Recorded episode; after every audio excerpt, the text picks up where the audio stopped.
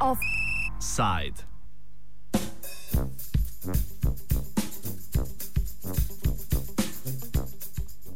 O medu in birokratskem medvedu.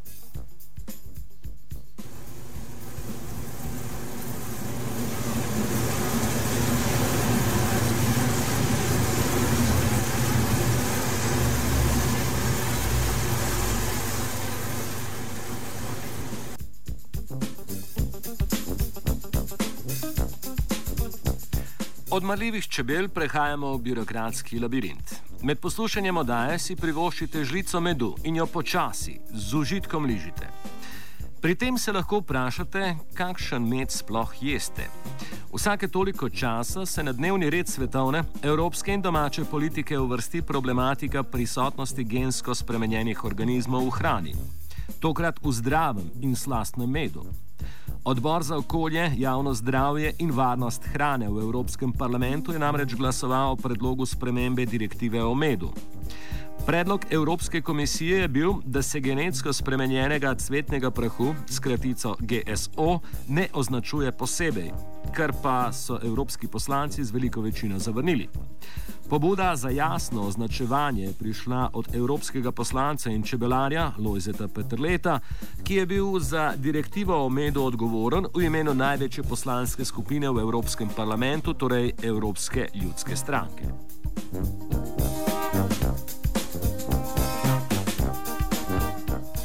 Gre za prvi korak. Evropski poslanec in čebelar Petr Le pa si bo prizadeval, da odločitev odbora na plenarnem zasedanju Evropskega parlamenta v februarju potrdi večina vseh evropskih poslancev. Za začetek nam je Petr Le poda eh, svoje videnje o tej tematiki. Kaj torej pomeni jasno označevanje medu? Ali gre za med z gensko spremenjenimi organizmi ali brez teh? Sem vesel tega vašega vprašanja, eh, ki zanima številne eh, potrošnike, ki kupujejo med in bi radi vedeli, eh, kaj kupujejo. Ali gre za med s cvetnim prahom, ki je gensko spremenjen ali ne.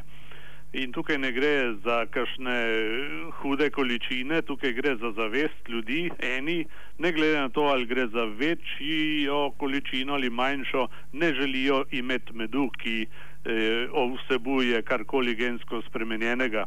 In v tem smislu je dosodilo tudi Evropsko sodišče eh, in eh, eh, to je bilo tudi moje izhodišče kot poroč senčnega poročevalca za to zadevo. In uh, jaz, ki sem sam tudi čebelar, hkrati sem pa seveda tudi potrošnik, hočem vedeti, oziroma sem eden od teh, ki hoče vedeti, kaj kupuje.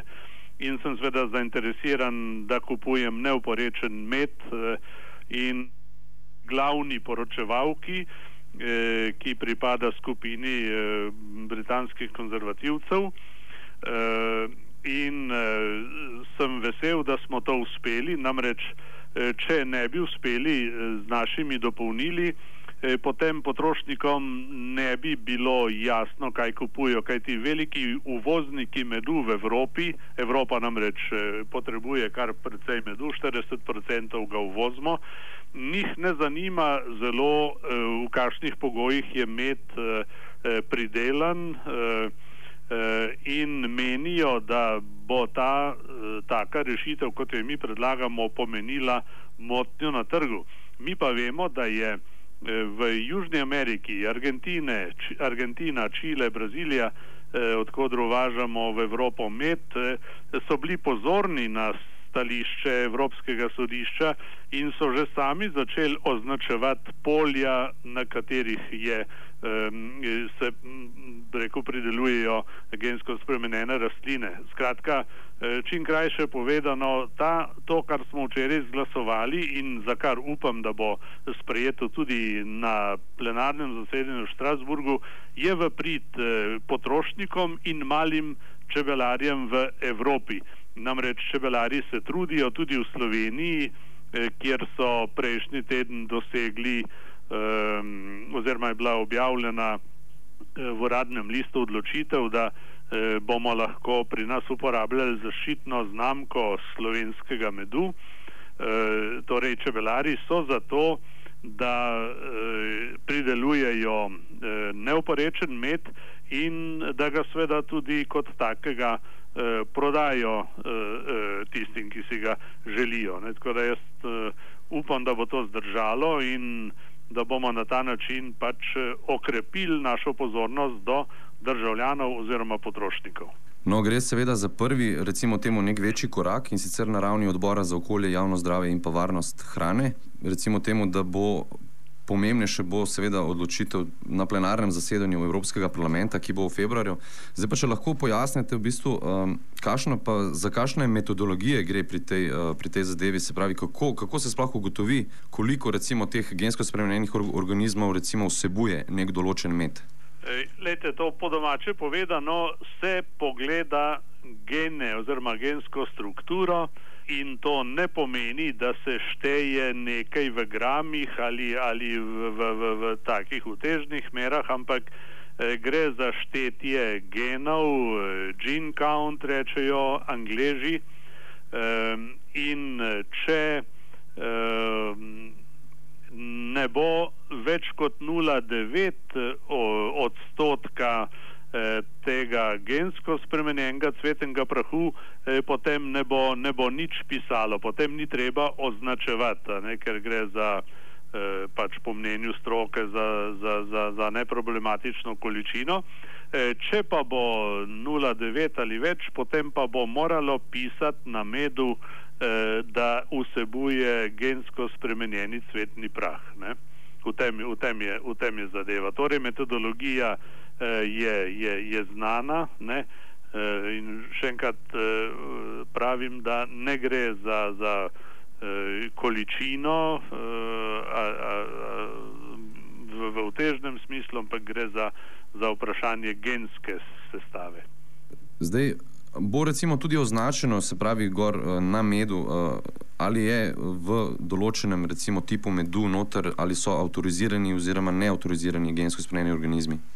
No, sem uh, vesel, da ste vprašali tudi, tudi to. Namreč Evropa oziroma Evropska zveza je avtorizirala uh, rastline, uh, ki uh, jih lahko uh, uporabljamo eh, oziroma vzgajamo v Evropski zvezi. Eh, in seveda za to vrsto rastlin eh, velja, torej če je med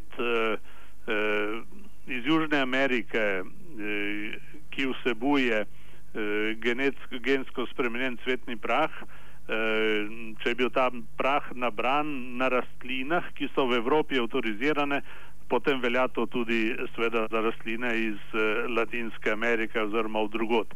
Če pa gre za cvetni prah iz neodobrenih, neautoriziranih eh, rastlin, eh, potem pa se takega medu ne sme prodajati. Zdaj, mogoče če še pojasnite, recimo, kako pa bo to vplivalo uh, na same potrošnike v smislu, se pravi, cen? Ej, to mm, ne bi smelo imeti eh, kakšnih eh, posebnih vplivov na, na, na cene, ker ne gre, eh, ne gre za analizo malih količin, ampak gre za, za analizo eh, pošiljke oziroma določene količine medu, eh, kar eh, ne, stane, eh, ne stane veliko. Eh, Uh, jaz mislim, da je, da je cena tam, če, sem, če se zdaj prav spomnim, me, me, med 100 in 200 evri. Skratka, to ne bi smelo povzročati kakšnih posebnih dvigov, dvigov cen, oziroma sploh ne. Star čebelji pregovor pravi: Pregovor? Kdor je slep kot krt, naj dvakrat pogleda. Bom jaz zdaj še eno, no, malo časa bom še eno hitreje naredil. Eh, eno tako, ki je po, po, po srednji Evropi poznana bolj tako. Eh, jo v Nemčiji poznajo, sem jo kanclerju Kolo igral, pa Otto von Habsburgu tudi, ki je eh, smo bila prijatelja. On, on Čudovito. Kdo ve, odkot si k nam prišla? Nadaljujemo s predsednikom Čebelarske zveze Slovenije Boštjanom Nočom. Kaj ta zavrnitev direktive, ki jo je predlagala Evropska komisija, pomeni za čebelarje, oziroma ali jim bodo zaradi tega omogočene tudi boljše razmere za proizvodnjo visoko kakovostnega medu? Poglejte, ta zadeva je pomembna predvsem zato, da se tisti med v tistih državah, kjer je dovoljen ta gensko spremenjeni organizmi, mora tako označiti. To je neka zaščita za tiste države, ki nimajo dovoljenja, da se take rastline sploh gojijo. To je ključno. To je ključno. Zdaj, če mi recimo poveste o tej sami uh, metodologiji dela, ne, se pravi, dovoljeno seveda bo uh, do nič cela devet odstotka teh gensko spremenjenih organizmov in če mogoče malo bolj konkretno poveste. Torej to, kako pa to, mi, mi imamo sam to del, da, kako pa je zdaj to uh, točno zregulirano, pa mi še nimamo informacij.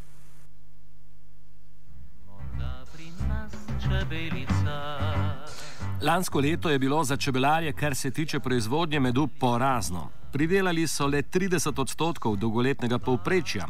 Z današnjim dnem so čebelari pričeli dobivati odločbe za povrnitev škode za namen omilitve gospodarske škode, ki je nastala zaradi posledic suše in pozebe v lanskem letu. Finanč, pardon, finančna sredstva, ki jim bodo izplačena, znašajo vsega 2,43 evra po panju, če ima čebelar več kot 20 panjev. Ta bajna sredstva bodo izplačane še v tem letu. Povejte, to je resnično nizka stvar, vendar prvič v zgodovini smo bili sploh umeščeni in nam je država priznala, da tudi čebelari utrpimo škode zaradi suše pozebe. In to je ta ključna zgodba, to je prvič v zgodovini čebelarstva. Eh, ni tudi zakonodaj, ki bi to urejala, zato je najbolj pomembna stvar, da nas je država spoznala kot tiste, ki imamo tudi probleme na tej strani in rezultat tega je, da se prav včeraj sestala delovna skupina, ki je začela pripravljati zakonodajo, kjer bo upisana metodologija, kdaj pa imajo tudi čebelari eh, škode v čebelarstvu in eh, kako se te škode tudi sanirajo. Koliko pa je, recimo, koliko ima čebelar stroške za samo proizvodnjo medu, se pravi z vzdrževanjem panjev, eh, čebel in pa samo proizvodnjo meda? Ja, te stroški so uh, zelo različni. Uh, jaz bi rekel tako bolj z tega stališča nekako 20 kg na pan je dolgoletno povprečje 20 kg medu, lani je bilo nekje 6 kg na pan, pa veste, da je to bilo slabo tretjina letne proizvodnje, drugače pa veste, čebelarstvo so stroški tako od prehranjevanja čebele, vzdrževanja, reprodukcijskega materijala, prevozov, zdravljenja. Tako da danes za vzdrževanje čebele družine je potrebno predvsem ogromno znanja in pa tudi stroški so z leta v leto višji, glede na klimatske razmere in vse te podnebne spremembe kmetijske pa je iz leta v leto tudi eh, manj, manj paše za čebele. V kakšnem stanju pa je slovensko čebelarstvo recimo v današnjih dneh? No, moramo reči, da letošnje leto je stanje s čebelom zelo dobro, uh, ni nobenih problemov, vsaj da bi jih zaznali z terena glede uh, zazimljanja čebel. V nasplošno pa je slovensko čebelarstvo raste, vse leto imamo večje število čebelarjev, starostna struktura se zmanjšuje.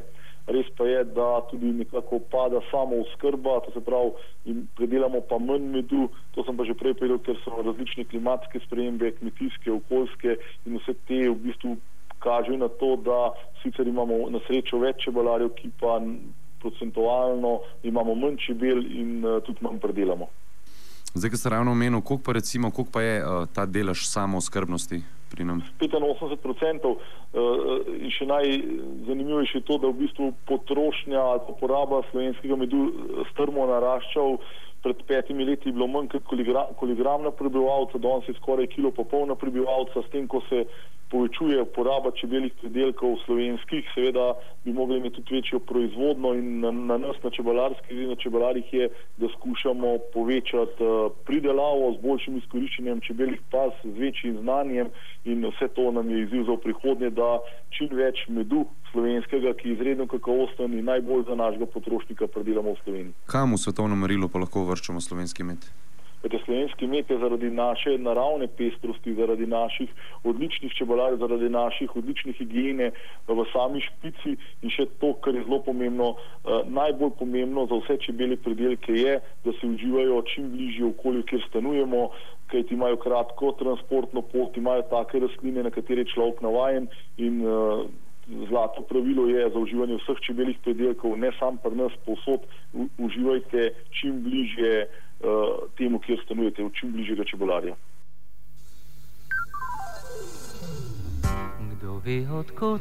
Preden se poslovimo, navržimo še en praktičen kulinaričen nasvet.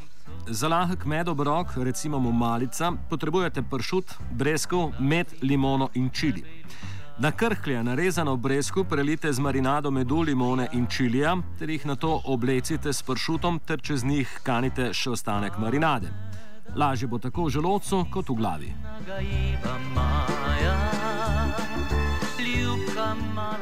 Tudi oft, offside sta pripravila počivalšek in urh.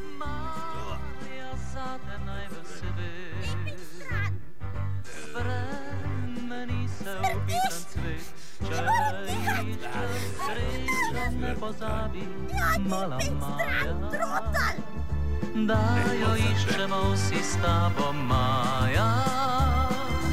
Letišči, mala Maja.